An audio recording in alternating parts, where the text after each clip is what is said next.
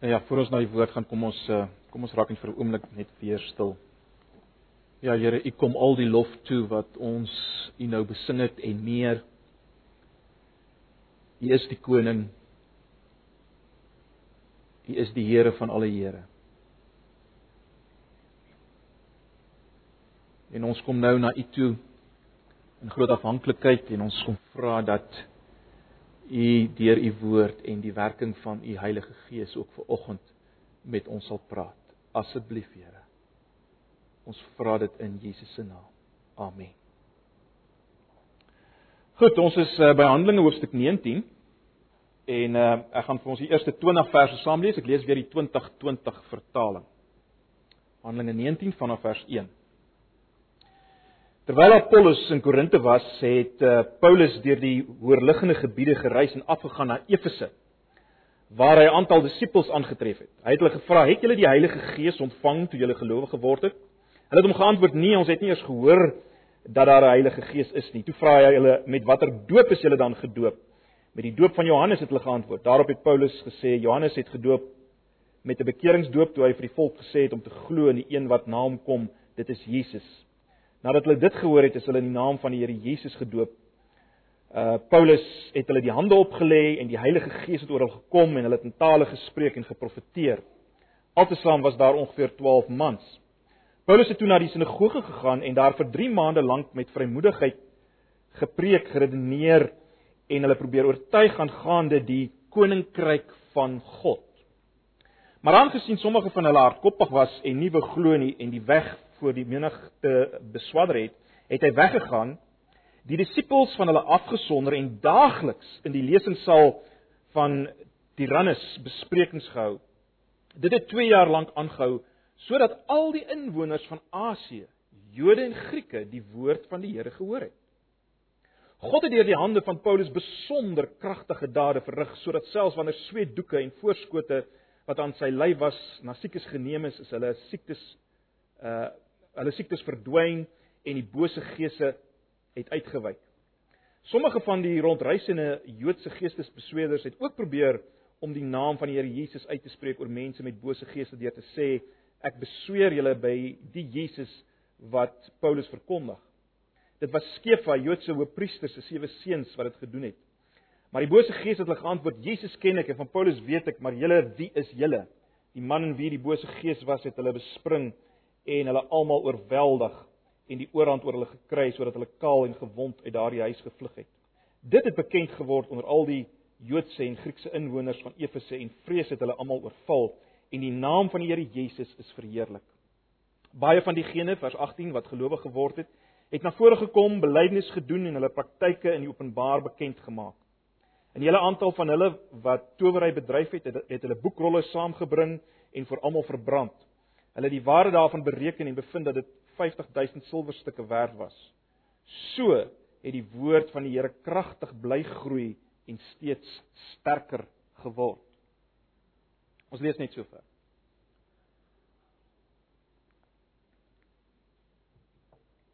Nou, ek weet nie hoeveel van julle het al die ehm um, gereformeerde belydenisskrifte gelees nie of van die gereformeerde belydenisskrifte gelees het uh, gelees nie. Uh indien jy dit sou doen, uh, dan sou jy opgemerk het dat uh, in nie een van hierdie geloofsbelijdenisskrifte of dit nou die Heidelbergse Katekisme is of die Westminster Confession of Faith of die 1689 Baptiste geloofsbelijdenis, nie in een van hierdie uh, belijdenisskrifte is daar 'n artikel oor die koninkryk van God nie. Natuurlik ook nie oor die gawes van die Gees nie en oor tekens en wonders en hierdie dinge nie, maar die die mees kommerwekkende is dat daar geen artikel is oor die koninkryk van God nie want dit is die onderwerp waaroor al die evangelies gaan. Né? Nee, dis die onderwerp waaroor al die evangelies gaan. Dis die koninkryk van God. En daar's geen artikel daaroor. Nou, eh, die rede daarvoor is waarskynlik dat die die fokus in die tyd toe die belydenisskrifte, die groot belydenisskrifte opgestel is, die fokus was dele uh vraagstuk rondom regverdigmaking deur die geloof. So uh, van die ander dinge is 'n bietjie afgeskeep. Ehm uh, Maar dis jammer, nie waar nie. Dis dis jammer dat ehm uh, dat toe hierdie kan ek sê leiers in die kerk, die gereformeerde kerke moes sê wat glo ons uh, kom die koninkryk van God nie in hierdie belydenisskrifte na vore nie. Nou die rede waarom ek dink is is so jammer is is dit. Ek dink tog dit het 'n invloed gehad op die kerk verder, op die uh protestantse kerk in die algemeen en en in gereformeerde kerke, evangeliese kerke, het dit 'n invloed gehad op die verstaan van wat die boodskap van die kerk moet wees. En wat saam moet gaan met die boodskap van die kerk. Ek dink dit het 'n invloed gehad. Wat is die taak van die kerk? Wat is die roeping van die kerk? Wat is die sendingtaak as jy wil van die kerk? Want ek dink ons sit met 'n afgewaterde siening daarvan. Uh, in baie gemeentes, in baie kringe, uh, word die groot taak van die kerk bloot gesien om siele te wen. Met ander woorde, mense moet gered word sodat hulle kan hemel toe gaan. Uh, en en en daarvoor moet ons vir mense vertel hoe lief God hulle het en dat Jesus vir hulle sonde gesterf het en hulle moet dit net glo en hulle sal hemel toe gaan. Dis omtrent dit. Dis die dis die taak van die kerk, die boodskap van die kerk om siele te wen. Nou, die oomblik as mens natuurlik na die Nuwe Testament gaan, dan sien jy dat dit hoegenaamd nie die boodskap van Jesus was nie en ook nie die boodskap van die vroeë kerk van die apostels nie. Hoegenaamd nie. Jesus se boodskap was ten diepste dit wat ons al reeds in Markus 1 vers 15 kry. Ag, het ons al baie hieroor gepraat, maar dit is belangrik dat ons vandag hier sal begin weer. Ons moet dit vat, ons moet dit begryp. In Markus 1 vers 15 sê Jesus sy eerste boodskap. Wat is sy eerste boodskap? Die koninkryk van God het naby gekom. Bekeer julle en glo die evangelie. Met ander woorde, bekeer julle metanoia, begin anders dink. En glo hierdie goeie nuus. Die goeie nuus dat hierdie koninkryk van God, hierdie heerskappy van God het nou naby julle gekom toe ek verskyn. Ek, Jesus die Messias het hierdie koninkryk, hierdie heerskappy naby gekom. En die hele bediening van Jesus het hier rondom gedraai, nie waar nie? Om hierdie koninkryk van God. En daar was basies drie maniere waarop Jesus hierdie koninkryk van God verteenwoordig het as agent, as instrument van hierdie koninkryk. En ons het al daaroor ook gepraat. Jesus het gepreek, né? Nee. Hy het in Openbaar gesê, soos hier in Markus 1 vers 15, die koninkryk van God het naby gekom. Maar hy het ook mense geleer. Waaroor gaan hierdie koninkryk? Hoe lyk hierdie koninkryk? Wie behoort aan hierdie koninkryk? Mense dink aan die aan die bergrede in, in Lukas 6.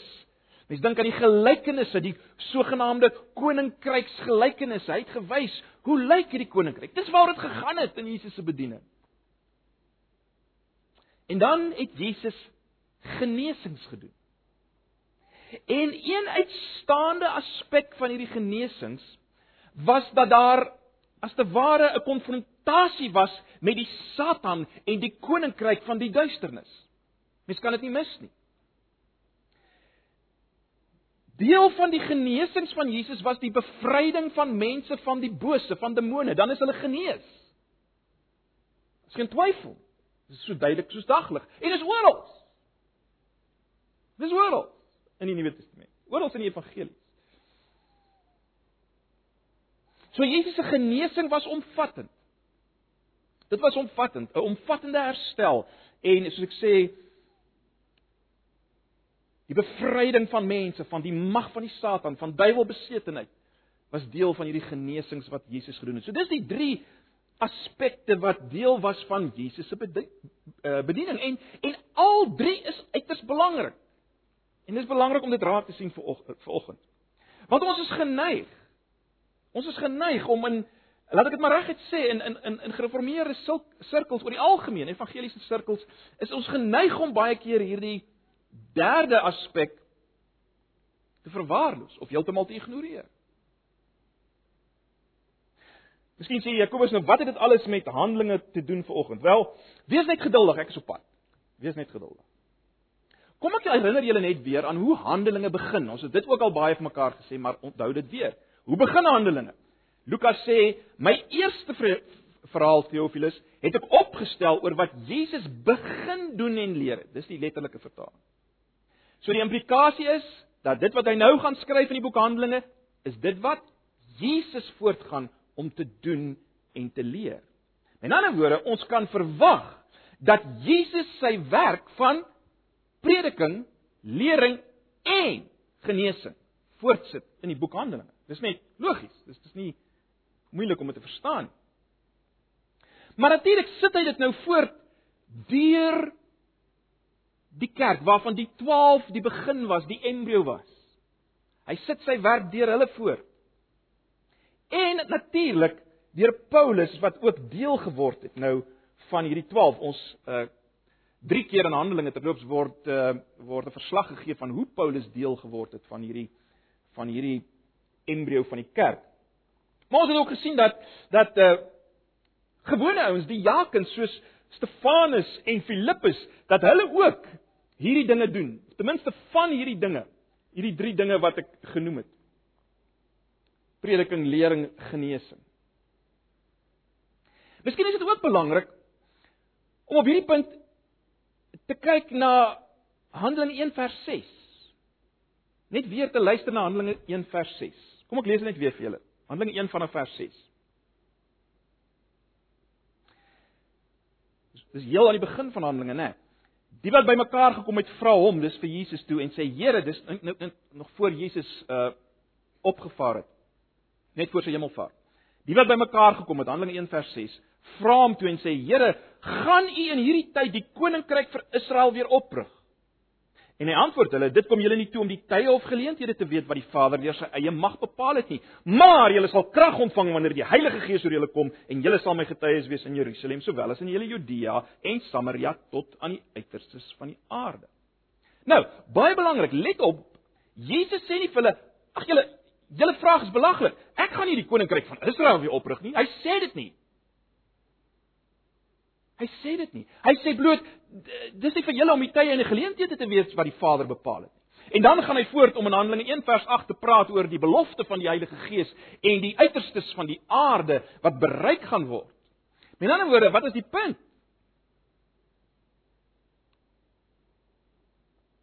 Die punt is hy gaan die koninkryk van Israel weer oprig. Maar dit gaan meer wees en anders wees as wat hulle kan verwag en sou verwag. Maar is steeds die koninkryk van Israel. Want jy sien wat ons moet verstaan is dat die koninkryk van Israel en die koninkryk van God is in 'n sekere sin sinonieme.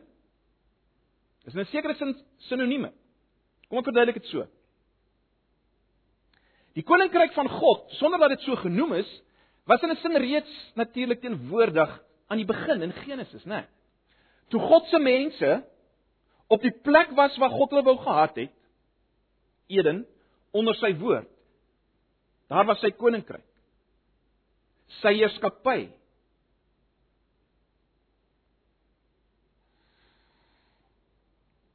En daardie heerskappy het natuurlik weer sigbaar geword in die volk Israel.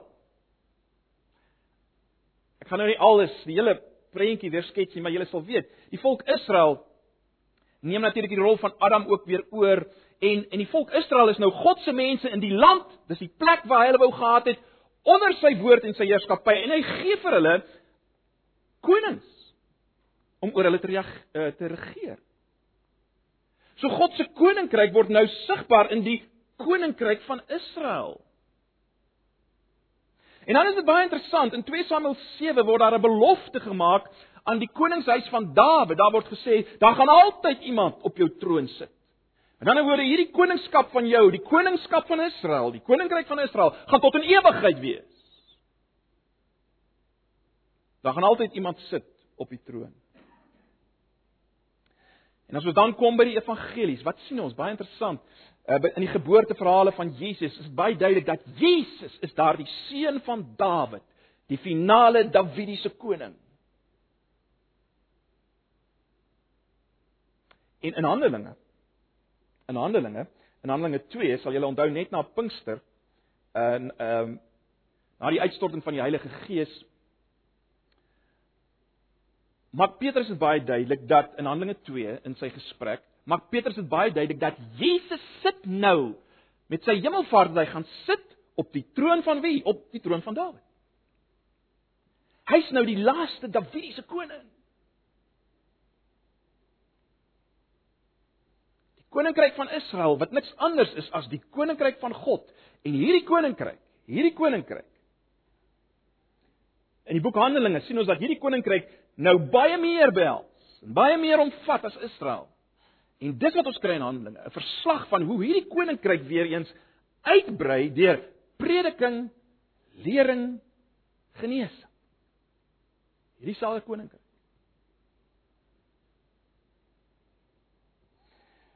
En dit bring ons by Handelinge 19.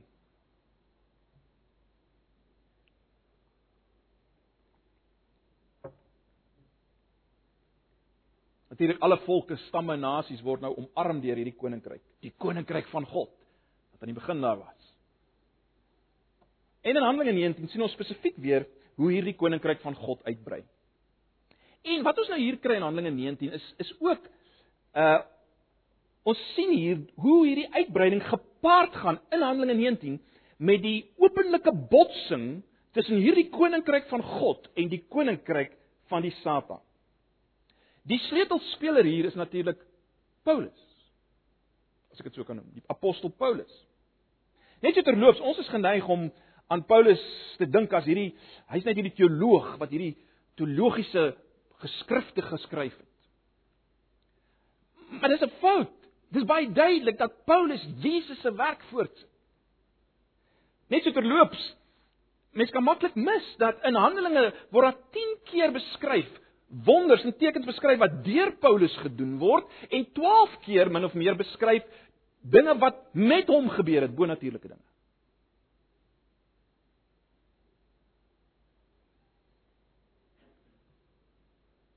Dis wat by Jesus teenwoordig was, was by Paulus teenwoordig. Luister net bietjie hoe beskryf Paulus sy bediening. Luister mooi. Hoe beskryf Paulus sy bediening in in Romeine 15 vanaf vers 18. Ek lees vir julle die, die 53 vertaling. Romeine 15 vanaf vers 18. Paulus sê: "Want ek sal nie waag om iets te sê van die dinge wat Christus deur my gewerk het nie, om die heidene tot gehoorsaamheid te bring met woord en daad deur die krag van tekens en wonders, deur die krag van die Gees van God." Sodat ek die evangelie verkondiging van Christus volbring het van Jerusalem af en rondom tot by Illyricum. Dit is interessant dat Paulus die term gebruik, die frase tekens en wonders. Uh die die uh, frase tekens en wonders kry ons uh, daai frase kry ons in die Griekse vertaling van die Ou Testament in Deuteronomium. As daar verwys word na die uittog. Die Exodus waar God sy volk verlos het deur tekens en wonders heen uit Egipte. Uh en daar kry ons natuurlik net so terloops hou dit in gedagte die interessante dat ehm uh, dat Farao se towenaars kon dieselfde dinge doen as Moses en Aaron, maar Moses en Aaron uh is elke keer duidelik sterker, né? Maar goed, dis belangrik. Tekens en wonders gaan saam met die met die Exodus, die uittog uit slawerny die uittog uit slawerny en afgodediens van Egipte. En en wat probeer ek daarmee sê? As Paulus weer praat van tekens en wonders wat sy bediening kenmerk, die punt is die nuwe volk van God word weer gevorm deur 'n eksodus, 'n bevryding is uit slawerny en uit afgodediens. Die hele Nuwe Testament is daarvan vol. Die nuwe volk van God, die kerk van die Here word weer so gevorm. En dis wat ons in Handelinge 19 sien. Dis wat ons in Handelinge 19 sien. Nou ek weet, die dinge wat hier genoem word is snaaks vir ons. As jy net so daarna kyk, dan lyk dit vreemd en snaaks. Dit dit is amper soos 'n ou wat 'n wat wat ehm um, wat 'n verkeerde bril opsit en alles is maak nie lekker sin nie. Dis nie duidelik nie totdat jy die regte bril opsit en daai bril is die bril van die koninkryk van God. Dit waaroor ons nou gepraat het. Dan dan maak hierdie goed sin, nie waar nie? So die sleutelterme, die sleutelterm hier, die bril waarna ons hierdie hele gedeelte moet kyk, is die koninkryk van God. En ons kry dit in vers 8. Kyk net weer na vers 8 van hoofstuk 19. En hy, dis Paulus het in die sinagoge ingegaan en vrymoediglik 3 maande lank met hulle geredeneer en hulle probeer oortuig van die dinge wat die koninkryk van God aangaan. Hy wil nie net gehad hulle siele moet gered word nie. Hy praat oor die dinge van die koninkryk van God. Kom ons kyk net wat kry ons net voor hierdie sleutelvers en net na die sleutelvers. Net voor die sleutelvers kry ons daardie verslag van hierdie disippels uh ouens wat wat disippels genoem word. Ehm uh, maar as Paulus hulle vra of hulle die Heilige Gees ontvang het toe hulle gelowige geword het, interessant Paulus praat van toe hulle gelowige geword het. Uh dis dis ek wil nie daarop nou veel uitbrei en redeneer nie. Dis wat Paulus sê het hulle die Heilige Gees ontvang toe hulle gelowige geword het. Hulle sê hulle het nie eens geweet van die Heilige Gees nie. Nou dit beteken natuurlik nie dat die Heilige Gees nie in hulle gewerk het tot toe hulle tot geloof gekom het nie. Want ek dink tog ons moet aanvaar hulle het tot geloof gekom op 'n manier. Maar hulle het hulle het nie geweet van hierdie Gees nie en hulle het geen belewing daarvan gehad nie. En hulle het ook hulle is ook nie gedoop met die doop van Jesus nie. En dan kom Paulus en hy hy doop hulle in met die doop van Jesus en hy lê hulle hande op en hulle praat in tale en hulle profeteer soos by die ander geleenthede in in Handelinge. So die disippels word vervul met die Gees, gedoop in die Gees en hulle profeteer. En dan sien ons net daarna dat Paulus ehm uh, ons lees dit in vers 8. Paulus het toe na die sinagoge gegaan en daar vir 3 maande lank met vrymoedigheid ges, gepreek, geredeneer en hulle probeer oortuig aan kan die koninkryk van God. Dit dit die vers wat ons nou gelees het, vers 9, maar aangesien sommige van hulle hardkoppig was en wou glo en die weg voor die menigte beswadder het, het hy weggegaan die disippels van hulle afgesonder en daagliks in die lesingsaal van Tyrannus besprekings gehou. En uh, dit het 2 jaar lank aangehou dat hy daagliks met hierdie disippels gewerk het. So wat ons kry is dat hy hy begin om te in die sinagoge vir ouens te onderrig en te leer gaan na die koninkryk. Dit lyk asof maar dit is nie dis word nie eksplisiet gesê nie, maar dit lyk of hierdie hierdie disippels van die begin ook daar was, maar 'n klomp ouens het, teen hom ingegaan en uh die weg beswadder, die weg wat staan natuurlik vir die die boodskap, die evangelie boodskap, hulle het beswadder en en uh, uh hoe dit ook al sê, uiteindelik het het Paulus net daai disippels gevat waarvan ons nou net gelees het, daai klomp, daai 12. Hy het net hulle gevat en het op hulle gefokus. Hy het op hulle gefokus. Ehm um, in hierdie lesingsaal van Tyrannus so uitgeskuif van uitgeskuif van lokaal weg van die sinagoge wat net 'n meer Joods georiënteerde plek was en hy gaan na hierdie meer openbare plek, die lesingsaal van Tyrannus en daar uh, onderrig hy hierdie ouens daagliks. Hy hou besprekings en ons gaan aflei dit gaan oor die koninkryk van God in die lig van wat vers 8 gesê het. Wat ons onmiddellik onmiddellik moet raak sien, ek dink dit tog is belangrik is dat die feit dat hierdie ouens, hierdie disippels uh in tale gespreek het en geprofeteer het het nie verhinder dat Paulus hulle gevat het en vir 2 jaar lank dagliks met hulle gewerk het nie. Net so terloops. Dis belangrik om dit raak te sien. Hulle het hierdie lering aangaan die koninkryk nodig gehad vir 2 jaar.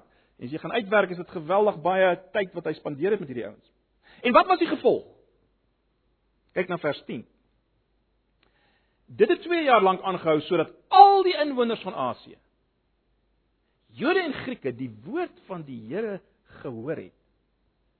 Nou, hoe moet ons dit verstaan? Wel, verseker het Paulus nie alleen in hierdie tydperk uh die woord van die Here in die hele Asie verkondig sodat al die Jode en Grieke die woord van die Here gehoor het nie. Dis baie duidelik dat hierdie disippels wat hy onderrig het, moes betrokke gewees het hierin. Daar's da, min twyfel daaroor.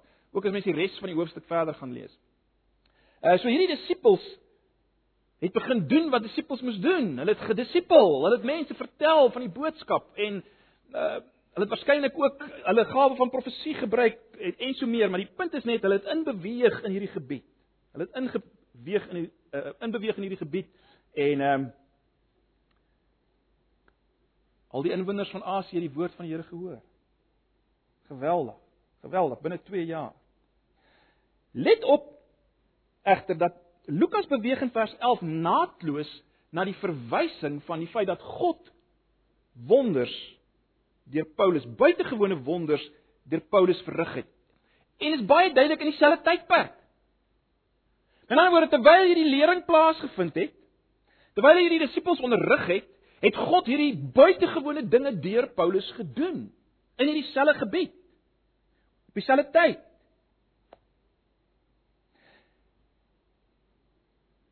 En daarom was dit verseker deel, dit was verseker deel van die rede waarom die inwoners van Asië almal die woord van die Here gehoor het. Daar daar daar da bestaan min twyfel by my daaroor.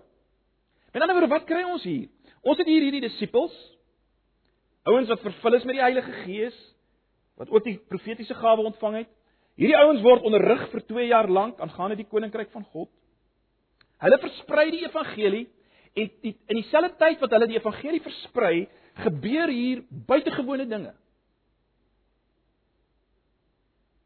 Genesings, duiweluitdrywings, uh openbare breek met sonde.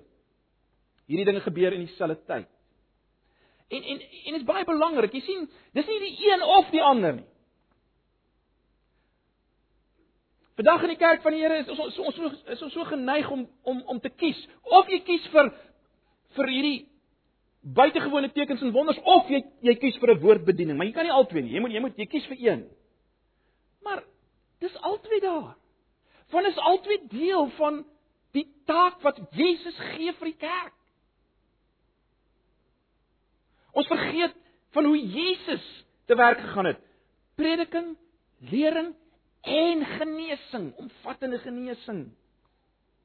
So wat ons hier kry is bloot daardie derde ononderhandelbare element van die van 'n koninkryksbediening. Genesing en duiweluitdrywing wat soos ek reeds gesê het, deel is van dieselfde pakket by Jesus en is ook hier, ook hier is 'n deel, dieselfde.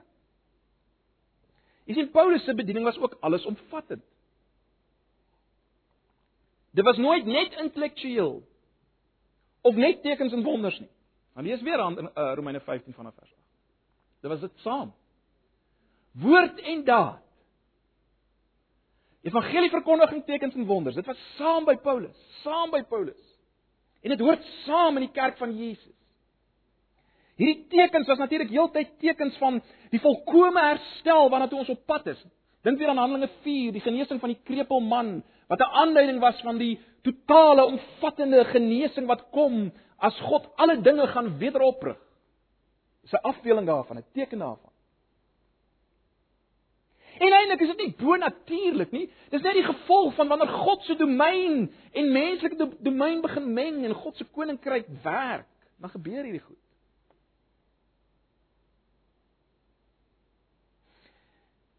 Nou, daar's 'n vers wat alles wat ons nou gesê het onderstreep en bevestig. Dis eintlik 'n belangrike opsommende vers. En ons kry dit in vers 20. Kyk net weer na vers 20.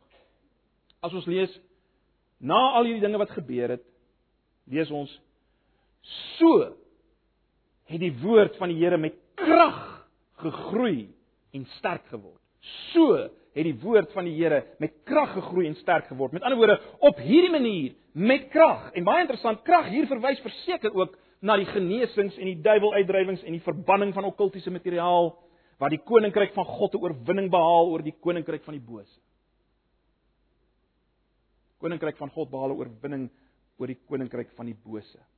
So met ander woorde, wat probeer ek sê? Ek dink die verwysing in vers 10 dat al die inwoners van Asië die woord van die Here gehoor het, moet saam met hierdie vers ge, uh, gelees word, né? Nee, dis die dis amper die twee verse wat wat die wat die gedeelte in 'n sin om omring en uh omarm in 'n sin en vir hom sê wat hier aangaan. En dit sou beteken dat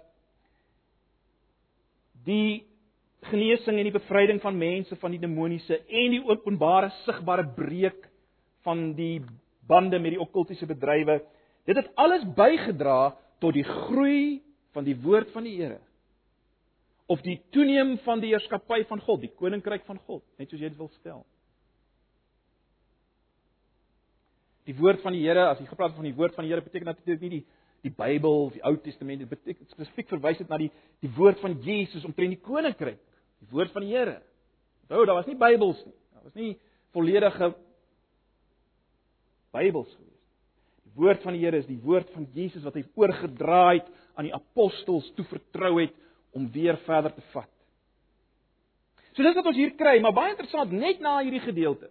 Daarvan af vers 21 en spesifiek van vers 23 af, dan kry ons weer teenkanting. So dis hierdie hierdie triomf as te ware, hierdie oorwinning, maar ons dan weer teenkante. Met ander woorde, die kom ek stel dit so, daar's nie sprake van 'n soort van 'n triomfantalistiese probleemvrye uitbreiding van die evangelie deur tekens en wonders en alles gaan goed nie. Nee, onmiddellik daarna is daar weer konflik. Maar dis deel van die pakket. Dis deel van hoe die Here werk. So die goed gaan saam, hand aan hand. Ons hoef nie een of die ander een te kies. Dit gaan hand aan hand. Dis hoe dit lyk. As die koninkryk van God werk en weer eens ons sien dit by Jesus. As hy daai hy, hy sy werk word gekenmerk deur al hierdie dinge. En dan's daar teenkant. Dan's daar ouens wat hom wil gevange neem en uiteindelik is hy gevange geneem en gekruisig. En dis dieselfde by die apostels. En is dwars deur die kerkgeskiedenis die situasie. Maar goed, kom ons dink net vir uh, oor een of twee goed wat ons in hierdie gedeelte kry. Uh die verwysing na die doeke van Paulus waar die mense genees is, is verseker vreemd, nie waar nie? Maar ek dink ons moet raak sien dat daar uitdruklik staan dat God het genesing gebring. So hierdie hierdie doeke het nie magiese krag in sigself gehad nie. God het die genesing gebring deur hierdie doeke. Nou, daar's baie debat oor wat was hierdie doeke presies? Uh, baie ouens meen dit was die uh, verwys na die die sweetband wat Paulus gedra het en uh, om sy kop en sy arms wat wat hy gebruik het as hy tente gemaak het.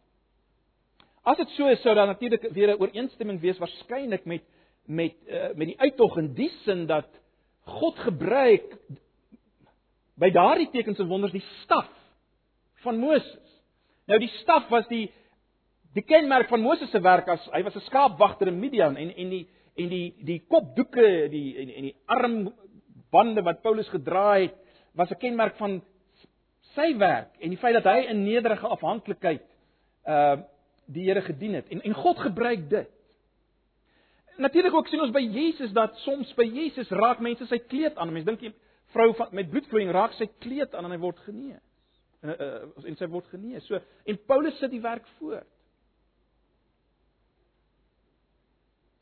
Dit mag ook wees dat die Here spesifiek werk deur hierdie doeke, as ek dit so kan stel, juis omdat hierdie ouens binne hulle okkultiese raamwerk baie waarde geheg het aan sulke tasbare goederes, né? Nee, dit mag wees in die lig van wat mens later sien as al daai goed verbrand word.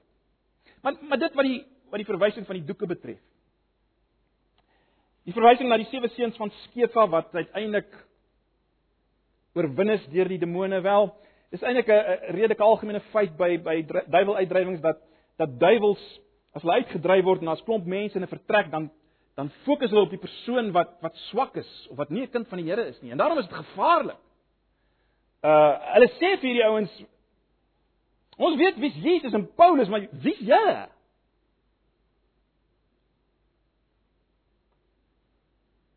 Wie's julle? Daarom broers en susters, as ons te doen het met die met die bose en die demoniese wat 'n werklikheid is. Uh is dit nie iets om mee te speel nie, jy moet jou baie seker maak aan wiese kant jy is. Aan wiese kant jy is. Ken die demone jou? Weet hulle wie jy is? Voordat jy betrokke raak in hierdie goed en speel met hierdie goed. So dis baie belangrik om dit raak te sien miskien hier. Interessant tog ook na hierdie gebeure wat hier gebeur het met die seuns seuns van Skefa. Uh lees ons in vers 17b, toe dit bekend geword het, is mense met vrees oorval en die naam van die Here Jesus is verheerlik. Ook deur dit is Jesus se naam verheerlik in hierdie gedeelte. Jesus se naam is verheerlik. So goed, as ons 'n kort samevatting van hierdie gedeelte moet gee, 'n titel moet gee, sou ek dit so stel: Die koninkryk van God behaal hier 'n oortuigende oorwinning oor die koninkryk van die bose. Die koninkryk van God, let wel, die koninkryk van God. Behaal 'n oortuigende oorwinning oor die koninkryk van die bose. Wat moet ons hieruit neem vir ons? Natuurlik is hier nie resepte vir ons om te volg nie. Hoe genaamd nie. Maar ons het al baie daaroor gepraat dat Jesus in Johannes 20 vers 21 vir die kerk sê, die begin van die kerk, die 12, soos die Vader my gestuur het, stuur ek julle. En Jesus is gestuur om die koninkryk van God sigbaar te maak. En ons het nou gesien dat Paulus was deel van daardie gestuur wees. Maar die hele kerk van van van Jesus is deel van daardie gestuur wees soos Jesus om te doen wat Jesus gedoen het: prediking, lering en genesing. En in daardie sin is hierdie gedeelte op ons van toepassing. En ons kan hierna kyk en en kyk wat sien ons hier raak wat waarop ons moet ag ag gee. 'n Ding wat uitstaan hier is is is is is is dit, die feit dat hierdie of, of die feit dat Paulus baie kontekstueel opgetree het. Wat bedoel ek daarmee? Dis interessant. In Antiochië, Antiochië in Pisidië, was sy fokus op as ek dit sou kan stel, die Joodse hoop van die Messias en hoe Jesus Christus dit vervul het, want hy hy fokus spesifiek op op Joodse ouens binne die sinagoges. In Athene dan val Paulus as te ware die intellektuele basis van afgoderry aan. Hy val die intellektuele basis van afgoderry aan. Terwyl hier in e-, Efese val hy as te ware die okkultiese basis van afgoderry aan. En daarom is die uitdaging vir ons om ook kontekstueel te wees. Met ander woorde, ons moet verstaan hoe lyk ons tyd? Hoe dink die mense onder wie ons beweeg? En die evangelie moet in aansluiting daarbey gebring word. En dit gesê moet ons onthou, broers en susters, en dis 'n feit. Ons beweeg eintlik weer geweldig nou terug na die apostoliese tyd. In die sin dat Christendom, Christendom nie meer die oor oorheersende raamwerk is waarbinne mense beweeg nie. Vir baie lank nou was was Christendom die die oorkoepelende raamwerk. Ja, dit beteken nie mense was almal Christene nie, maar dit was die dit was die wêreldbeskouing as te ware. Dis hoe mense gedink het oor dinge. Baie mense het al was hulle nie kinders Christene nie, het tog 'n uh, respek gehad vir kerke en daarom gegaan en Sondag is gerespekteer en so aan en daar was 'n Christendom. Hy het sy gevare, hy het sy negatiewe dinge, maar dit was daar. En en mense het geweet waarvan jy praat, daarom as jy van God praat en van Jesus praat, het hulle min of meer geweet waarvan jy praat. En van die Bybel. Dis nie meer so nie. Val jy in Europa nie? Miskien voel ons dit nog nie so in ons lyf nie, maar ek dink ons leef baie keer in 'n bubbel. Wat probeer ek sê? Ek probeer sê dat ons beweeg weer in 'n tydperk in wat wat die evangelie iets vreemd is, snaaks op die ore val. En dit gesê, moet ons nie naïef wees om te dink ons beweeg hier ook in 'n tyd in wat die okkultiese al meer toeneem. Mense is bang vir die toekoms. Gaan kyk bietjie hoeveel aandag kry astrologie in die dag van ons leef. Geweldig, geweldige aandag. Mense wil weet wat sê die sterre van my?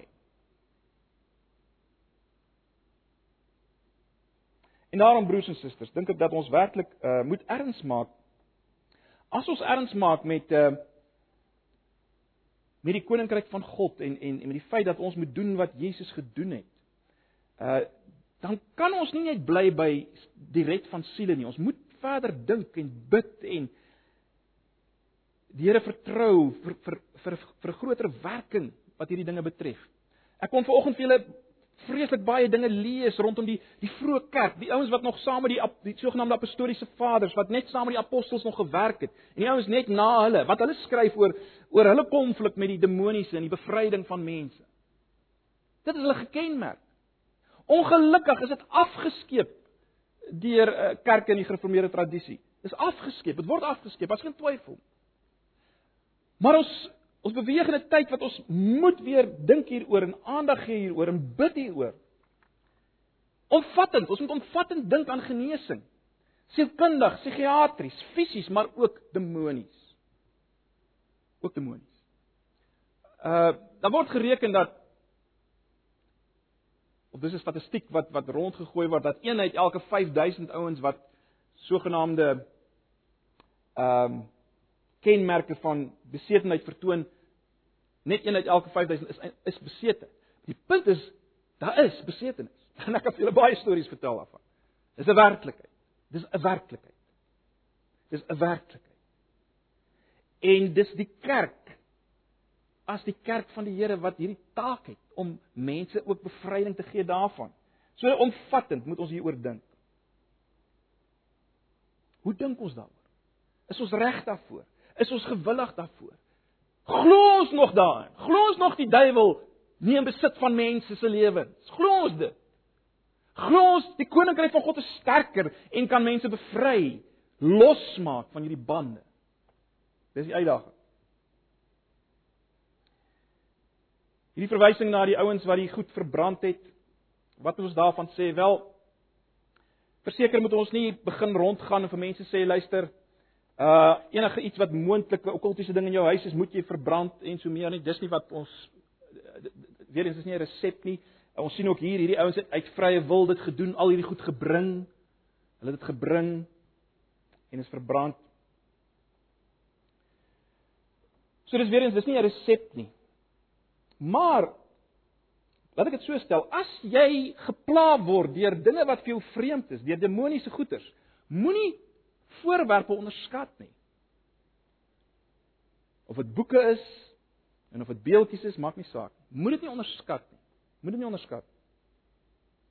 Ek lees van uh in die 80er 90er uh, 1980 1990s in Argentinië uh binne 'n 3 jaar periode op 'n stadium in, in ek weet nie presies wat is die wat is die datums nie maar binne in 'n 3 jaar periode het die evangeliese Christendom 500% toegeneem in Argentinië. Nou ons kan baie vra hier oor weer eens dis meer charismaties ensovoorts ensovoorts verseker. Die punt is die evangeliese gemeenskap het toegeneem met 500%. En en wat vir 'n lang tydperk elke aand gedoen is is daar's 'n groot vuur gemaak en ouens het goed gebring en dit in daai vuur gegooi, boeke en allerlei goeders. En mense is spontaan het spontaan bevryding van demoniese magte beleef in daai tyd. So wat probeer ek sê? Ek sê maar net ons moet nie die goed onderskat nie. Ons moet nie die goed onderskat nie. Maak asof dit nie daar is nie. En daarom as jy vanoggend hier is en jy jy weet jy het op 'n stadium geheel met daai goeters, gespeel met die demoniese. Glasie glasie en daai speletjies. En anders demoniese praktyke mee as jy daarvan aan deel gehad op watter manier ook al. En en jy is bewus van dinge in jou lewe wat wat wat jy nie kan verklaar nie, dan dan wil ek vir jou sê in die lig van hierdie gedeelte praat daaroor. Praat met iemand daaroor, bely dit en breek daarmee. Breek daarmee. Skoon, maak 'n skoon breek dan. Sodat jy bevryding kan ontvang deur Jesus en hierdie krag van die evangelie. Ag, Broers en susters, my my, my begeerte is dat ons werklik waar die krag, die realiteit van die koninkryk van God meer en meer sal beleef en sal sal besef dat ons dien 'n koning, die koning van alle konings, sy koninkryk is sterker. En en ons word deur genade ingeskakel daarbey. Soos Paulus dit noem die triomftog van God. Ons is daarbey ingeskakel om die om die geur van Christus te versprei en is omvattend. Prediking, lering, genesing. Ag so, kom ons bid daarvoor. Ek wil ek wil nou dat ons 'n paar oomblikke uh saam bid. Jy kan of op jou eie bid of bid met die persoon langs jou en en bid dat dat ons 'n koninkryksperspektief sal kry. Wat betref ons hoe ons moet leef en hoe ons as gemeente moet leef, 'n koninkryksperspektief dat die Here ons sal gebruik. So kom ons uh Net jy is, word 'n paar oomblikke stil en sal ek vir ons afsluit.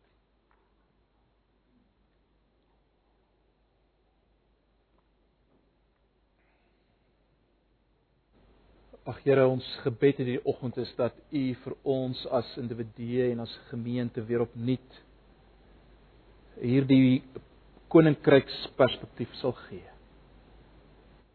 Dat ons opnuut sal besef ons is deel van 'n nuwe koninkryk. 'n Koninkryk wat lynreg staan teenoor die koninkryk van die wêreld en die Satan. Help ons om raak te sien dat die Christelike lewe gaan oor meer as as net my en my eie verlossing en my eie sekerheid van saligheid. Dit gaan oor die heerskappy van God wat moet sigbaar word in die wêreld. Dit gaan oor die feit dat u as koning geëer moet word op elke stukkie aarde in hierdie wêreld. Elke stukkie grond.